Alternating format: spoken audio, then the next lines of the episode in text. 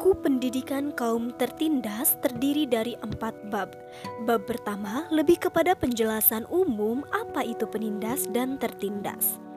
Penindasan dideskripsikan sebagai usaha dehumanisasi kelompok penindas kepada kaum lemah.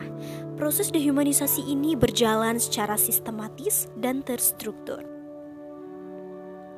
Pada bab kedua, Paulo Freire membicarakan tentang proses pendidikan yang dialami oleh kaum-kaum tertindas selama ini.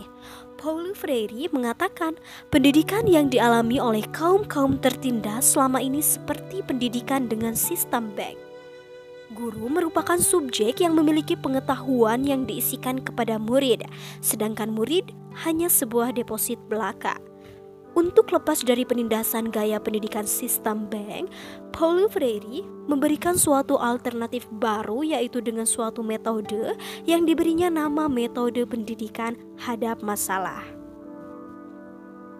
Dalam bab ketiga, Paulo Freire menjelaskan dengan adanya dialog diharapkan tidak adanya lagi keadaan di mana satu orang aktif menabungkan gagasannya kepada orang lain, sementara yang lain cuma pasif menerima apa yang diberikan orang lain kepada dirinya.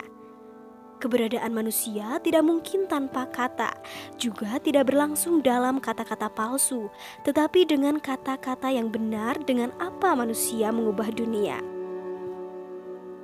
Pada bab keempat, Paulo Freire coba membandingkan antara model pendidikan anti-dialogis dengan model pendidikan dialogis.